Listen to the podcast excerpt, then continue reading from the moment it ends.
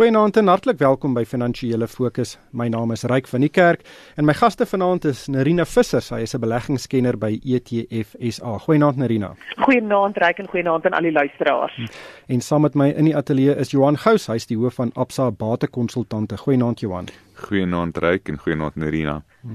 Ehm um, ons het verlede week weer die die rand se sterk terugvegpoging besing. Ehm um, en die rand het gegaan van R15 tot baie naby aan R14 teen die dollar oor 'n periode van 2 weke, maar hierdie week het hy omtrent alles weer teruggegee. Johan, ons rand is regtig baie baie wisselvallig. Ehm um, hoe lees jy die die wisselkoers op die oomblik? Ja, Ryk, kom ons gaan net terug. Middel Januarie het hy sy swakste historiese vlakke bereik en waar hy net so naby die R18 teen die dollar gaan draai het. Toe het hy stelselmatig van baie oorverkoopte vlakke begin herstel en uh, vroeg hierdie week soos jy reg gesê het nog so net bo die R14 uh, tot die dollar vlak verhandel. En en die rand het eintlik saam met uh, meeste ander op opkomende markte geldeenhede versterk, soos wat sentiment rondom opkomende markte verbeter het en dit duidelik geraak het dat die FSA nie rentekoerse so gou sou lig as wat aanvanklik verwag is nie. Ek dink die relatiewe positiewe begroting van minister Gordhan het die rand ook bietjie ondersteun gegee met die maatreëls wat aangekondig is om ekonomiese groei te probeer aanwakker en die fiskale tekort dan ook te begin aanspreek. En daarmee saam het ons dan ook die rentekoersverhogings gehad deur die Suid-Afrikaanse Reservebank wat die rand ook ondersteun het en dan weer eens teen die agter agtergrond ook dan van die FSA se Fed wat ook aangedui het gedui het dat hulle nog eers die wêreldekonomie en die markte so bietjie kat uit die boom uit kyk voordat hulle sou besluit om rentekoerse te lig. Stygende kommoditeitspryse was dan ook 'n verdere ondersteunende faktor vir die rand die afgelope paar maande en dit gegee word die feit dat 60% van Suid-Afrika se uitvoere in die vorm van kommoditeite plaasvind. Maar hierdie week ryk was dit weer 'n geval gewees van ons is nie noodwendig in beheer van waar ons rand verhandel nie. Dit is spesifiek faktore uit die buiteland wat hom baie keer uh, hierdie wisselvalligheid veroorsaak in ons wisselkoers en dit was maar weer 'n sentiment rondom die wêreldekonomie en dan spesifiek opkomende markte wat ook dan baie gekoppel is aan kommoditeitspryse wat nou weer daardie wind van voorgekry het. Marina, die die probleem is die die omvang van die wisselvalligheid. Ons sien eh, weet in 'n week nou omtrent 'n 5% verswakking in die waarde van die rand. En en dit is baie moeilik om byvoorbeeld 'n onderneming in hierdie omgewing te bestuur. Die die wisselvalligheid is meer negatief vir ons as wat die eintlike vlak van die wisselkoers is. Ryk is baie waar, jy weet dit het baie meer te doen met die voorspelbaarheid van ehm um, kan ek my besigheidsbesluite of my beleggingsbesluite maak in 'n omgewing waar ek meer sekerheid het oor oor wat hierdie vlak gaan wees, wat dit dan ook al mag wees. Ehm um, maar ek dink miskien is een van die maniere waar ons onsself beide as beleggers en ook as besigheidsmense kan beskerm in hierdie geval is dat ons miskien nie so vreeslik moet fokus op die op die korttermyn wisselvalligheid van die rand nie en eerder oor 'n oor 'n oor 'n effense langer tydperk daarna kyk of daai langer tydperk werk nou 3 maande of 'n jaar is, ehm um, hang nou eintlik af van wat dit is wat mense probeer doen, maar jy weet uit op die ou end van die dag word die word die vlak van die rand in 'n groot mate bepaal deur die relatiewe inflasie en 'n rentekoersverskille tussen Suid-Afrika en die van sy grootste handelsvennote. En as 'n mens dan op 'n langer termyn tendens daarna sal kyk, dan is dit heeltemal te wagte dat die rand langer termyn sal verswak. Ehm um, dit is deel van die rede hoekom ons hoë rentekoerse het, hoekom ons beter opbrengste kry in Suid-Afrika Suid-Afrika, maar dit is met ander woorde te verwagte en wat mens dan op die korttermyn basis moet doen is om te sê maar in hoe mate is ons op die korttermyn uh, besig om te ver weg te beweeg van daardie langer termyn tendens. Ek dink as dit 'n mens se uitgangspunt is nou hoe jy kyk na die rand en nie 'n emosionele gevoel van ooh ek sit op die rollercoaster en hierdie ding maak my maag baie ongemaklik voel nie, dan dink ek kan 'n mens dalk 'n bietjie makliker die vreeslike wisselvalligheid van die rand op die korttermyn hanteer. Maar Johan, bid om nou daarbey aan te te sluit, dit is die teorie. Die verskil in inflasiekoerse moet meebring dat die uh, geldeenheid verswak met daai met die verskil. Maar dit voel vir my of die rand regtig van van van internasionale sentiment of um, internasionale markstemming geslaan word en nog deur politieke situasies of gebeure in Suid-Afrika en dat dit meer eksterne faktore is wat die rand uh, laat verstewig of laat verswak as wat dit hierdie teorie is. Ja, reg, soos wat jy nou genoem het en Rina, as ons kyk 20 jaar terug was die rand op hierso by die 4 rand teen die dollar gewees. 10 jaar terug was hy op so 6 rand 50 teen die dollar gewees en nou sit ons op hierdie vlakke van tussen 14 en 15. So in teorie ja, die inflasie diferensiaal daar is gedeeltes of gestekerde tye waar die rand definitief weet buite die grense sal gaan van wat normaal is. En die vraag is kan ons dit beheer kan ons nie? Ons kan nie werklik dit beheer in 'n wêreld wat internasionaal eintlik me, soveel meer ingeweef is in mekaar as wat dit 20 jaar terug was nie. Die probleem wat ons ook het en dit is eintlik 'n goeie probleem so dit hang af of jy die positief of die negatief daarvan wil sien maar ons land se geldeenheid is baie verhandelbaar en ons plaaslike markte is ook baie likwid en dit maak dan dat geld maklik in en uitvloei in ons markte en dan ook natuurlik deur ons geldeenheid wat daai wisselkoers so wisselvallig maak. Hmm. Nerina, die Reserwebank het ook hierdie week in sy finansiële stabiliteitsoorsig gesê dat daar 'n medium tot hoë kans is dat Suid-Afrika afgegradeer gaan word later vanjaar tot 'n nuwe beleggingsstatus of die sogenaamde rommelstatus. Um, en dit sal natuurlik weer lei tot 'n uitvloei van kapitaal, die rand sal verder verswak um, en nog verdere druk op ondernemings en verbruikers in Suid-Afrika plaas. Dit is ook 'n baie negatiewe vooruitsig wat ons het. Um, Dink jy dit is so erg soos wat die Reserwebank dit uitgemaak het? Ja, dit is. ek dink dit is die dit is die kort antwoord. Ehm um, dit is werklik 'n baie groot faktor. Beteken dit dat dit dat dit net ehm um, jy weet swart voor ons is en en dat dit die einde van Suid-Afrika is alles behalwe. Soos in enige van hierdie situasies is daar altyd geleenthede ook wat geskep word. Maar kom ons neem net 'n stapie terug en sê, hoekom stem ek definitief saam met die Reserwebank dat ek dink die afgradering na na sogenaamde rommelstatus is grootendeels onvermydelik. Ehm um, ons dink dalk dat dit baie met ons politieke bestel te doen het of met met um, uh, van die probleme wat ons in die land het. Dit het eintlik 100% net te doen met ons gebrek aan ekonomiese groei. En dit is nie iets wat ons regtig op 'n op 'n korttermynbasis kan verander nie, maar solank die fokus bly dat ons sê ons moet die ekonomiese groei in die in die land op 'n meer volhoubare vlak baie hoër, baie meer werksverskaffing, en solank ons op daai vlak kan kom, beteken dit ons kan onsself weer terugkry in 'n posisie waar die beleggingsstatus van ons krediet weer weer teruggekry kan word. Nou jy weet op die op um, internasionale ondervinding wys vir ons dat dit vandat 'n land afgegradeer word, kan dit enigiets van 5 tot 8 jaar neem voordat hy weer so 'n beleggingsstatus bereik. Um, maar daar is ook ook gevalle waar dit baie vinniger gebeur het en ek dink baie gaan afhang van hoe behandel ons en hoe hanteer ons hierdie afgradering wat kom. So ek dink um, die volgende vraag is dan dalk jy weet is dit reeds in ons rand ingeprys is dit reeds in in ons staatseffekte ingeprys.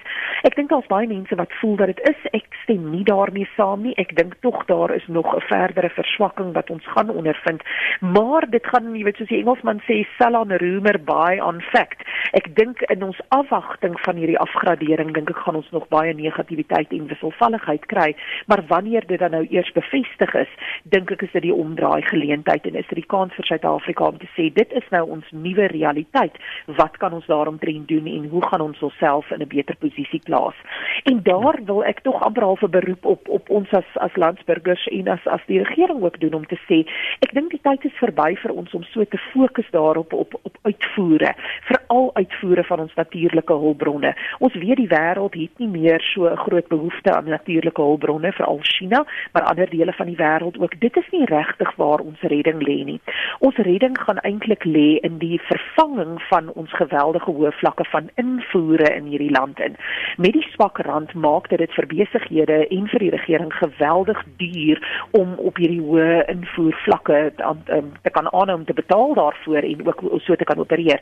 Ja. As ons ons fokus kan hê in Suid-Afrika om liewers daardie tipe van besighede um, te vestig in Suid-Afrika om ons invoere te vervang en plaaslik te vervaardig, dink ek sien dit is regtig 'n moontlikheid om die beste gebruik te maak van die swak rand maar sowel ook om ons op 'n volhoubare vlak van ekonomiese groei te kan sit. Ja Johan, ons het ook gesien met die PMI of die bestuursaankope indekse van die verskeie banke wat hierdie week uitgekom het. Daar is 'n bietjie van 'n oplewing in die vervaardigingssektor en En dalk is die rand een van die van die redes daarvoor. Ja, reik jy weet die bestuursaankope indeks is baie belangrik want dit is 'n leidende indikator. Dit gee vir jou 'n idee van wat vervaardigers verwag wat hulle sal kan produseer en wat hulle sal kan verkoop wat hulle ook al gaan produseer. So daarom is uh, kwessies soos voorraadvlakke, die produksie self en dan ook eintlik in diensnemingssyfers is deel van daardie indeks om te sien is dinge besig om te verbeter. Nou ons kom van baie lae vlakke af. Ek dink die vervaardigingssektor die laaste paar jaar het eintlik 'n klomp uh, werk verloor en daar's baie mense in daai sektor afgedank. So dit is dis goed om te sien dat daar 'n klein bietjie van 'n opwaartse tendens is, maar dit is nog baie vroeg daar en ons sal graag wil sien dat hierdie tendens net sterker word want dit gaan weer terug na hierdie kwessie van die moontlike afgradering.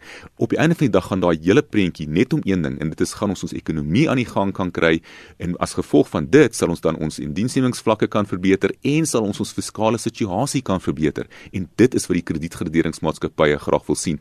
As ons net teruggaan, Brasilië het onlangs is hulle afgradeer na rommelstatus toe. Dit was nie die einde van die wêreld vir hulle nie. Hulle het 'n klomp werk wat hulle moet doen, maar ons sal moet begin fokus op die goed wat ons kan beheer. Daar's baie goed wat ons nie kan beheer in die wêreld, kommoditeitspryse ensovoorts nie. En ons moet begin net beheer neem oor die goed wat ons wel kan beheer en dit is ons fiskale situasie.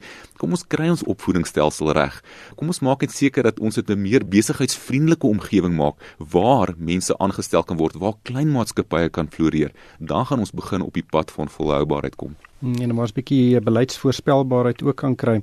Maar Nerina, ek wil uh, die gesprek verskuif na Barclays PLC. Dit is natuurlik die houermaatskappy van Barclays Africa wat Absa beheer.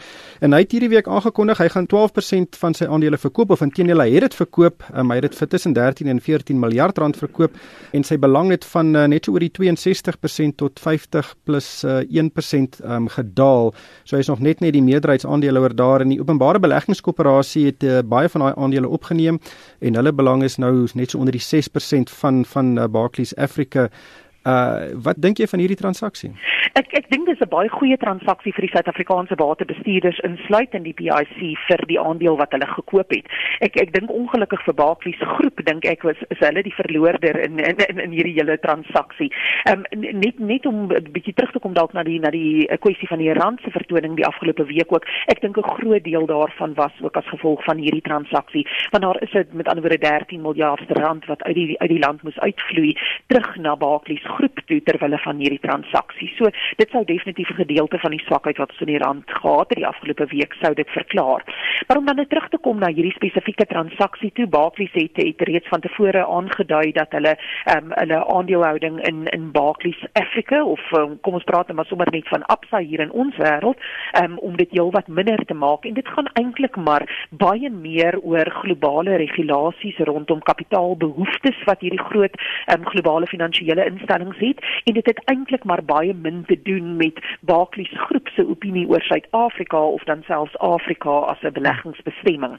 Maar ons so, weet tog nie of uh, Bob Diamond, die voormalige hoof van uh, Barclays, uh, ook 'n belang gekry het nie, want hy het reg gestaan met twee um, private ekwiteitsmaatskappye om ook 'n groot belang op te neem. Ons weet nog nie of hulle eintlik van die aandele gekry het nie. Ja, ons weet nie of hulle het nie en ek vermoed dat hulle nie deel daarvan is nie, want ek dink die Reservebank het ook redelik duidelik te kenne gegee dat hulle nie baie gelukkig is met die idee dat private ekwiteitsgroepe betrokke raak by die aandelehouding van ons groot banke nie. So my verwagting sou eerder wees dat hierdie uh, verskeidenheid van batebestuurders is wat op hierdie manier net 'n groter aandelehouding in in Barclays Africa gekry het.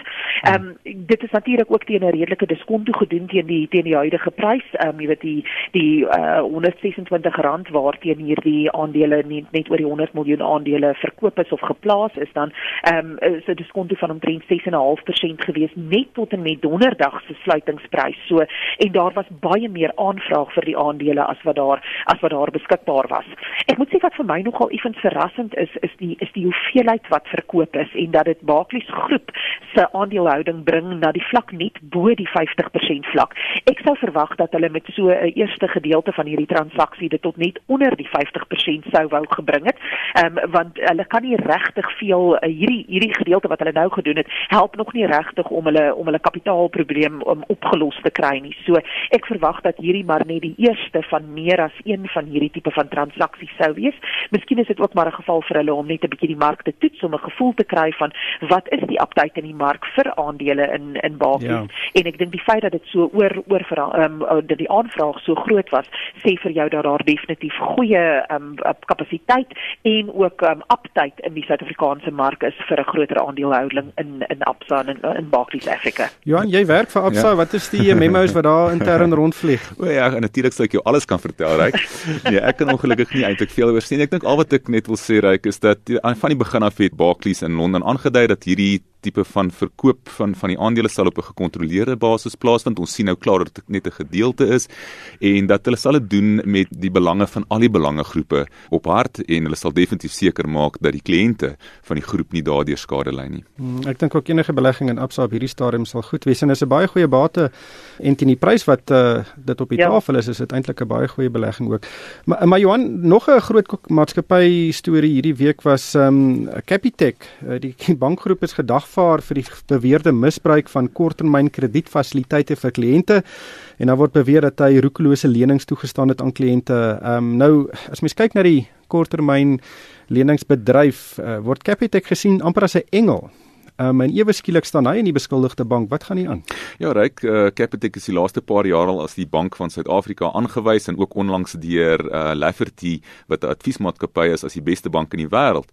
Nou die kwessie wat ter sprake is is uh, die 1 maand lenings wat Capitec glo aan kliënte toegestaan het en nie aan wat uh, wat nie aan die nasionale kredietwetgewing vereistes voldoen het nie. Nou Summit Financial Partners, het, hulle is nou skuldberaders en ook 'n finansiële adviesfirma, voer aan dat Capitec se korttermyn lenings van uh, tot en met R5000 sonder enige sekuriteit of bewyse in die vorm van bankstate byvoorbeeld eh, gedoen is en dit het uh, dan ook gegrens aan roekelose uitleenpraktyke. Daar word byvoorbeeld gesê dat daar uh, aan 10500 aanplaaswerknemers uh, tydens die staking 150000 lenings toegeken is. Nou die kern van die saak is dat Capitec glo nie die bekostigbaarheidsontledings vir die individuele uh, kliënte gedoen het uh, uh, wat op eenvolgende lenings uitgeneem het nie. So dit beteken as ek nou ja, ja, hierdie maand 'n 1000 rand eh, lening gekry het, um, dan in die volgende maand dan neem ek weer uit 1000 rand lening weer uit, dan het hulle nie daai bekostigbaarheidsondersoek gedoen ja. vir daai tweede lening nie. Dit klink so, dit klink of daar dan ook 'n fooi gevra is vir daai aanvanklike uh, om te kyk of te verifieer dat jy wel vir die lening moet kan kwalifiseer. Ons basies maar 3 vrae gevra, baie basiese vrae wat glo gevra is en dan is daar weer elke keer as jy weer die lening uitgeneem het, dan uh, is is daai vrae nie noodwendig weer gevra nie en is daai fooi weer gevra wel wat 'n uh, tipe van administrasiefooi is. Maar uh, Capitec voer aan dat uh, dit net 'n fundamentele misverstand is oor hoe die produk werk en dat die produk gestaak is en vervang is met 'n kredietfasiliteit in 2015 en het verder ook aangevoer dat hierdie tipe van lenings ook deur ander banke aangebied word en dat die rentekoerse van toepassing op wanbetalings was glo markverwant.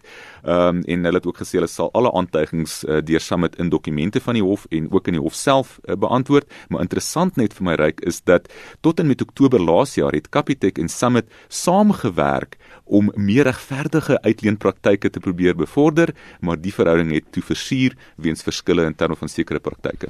O, oh, ek dink daai is 'n baie groot storie en uh weet daar's net so baie sosiale probleme wat ook uit van hierdie uh, korttermynlenings spruit. Maar ongelukkig hierdie tyd ons ingehaal. Baie dankie aan Johan Gous van Absa Batekonsultante en Rina Visser van ETF SA. En vir my ryk van die kerk, dankie vir die saamluister en ek koop almal 'n winsgewende week.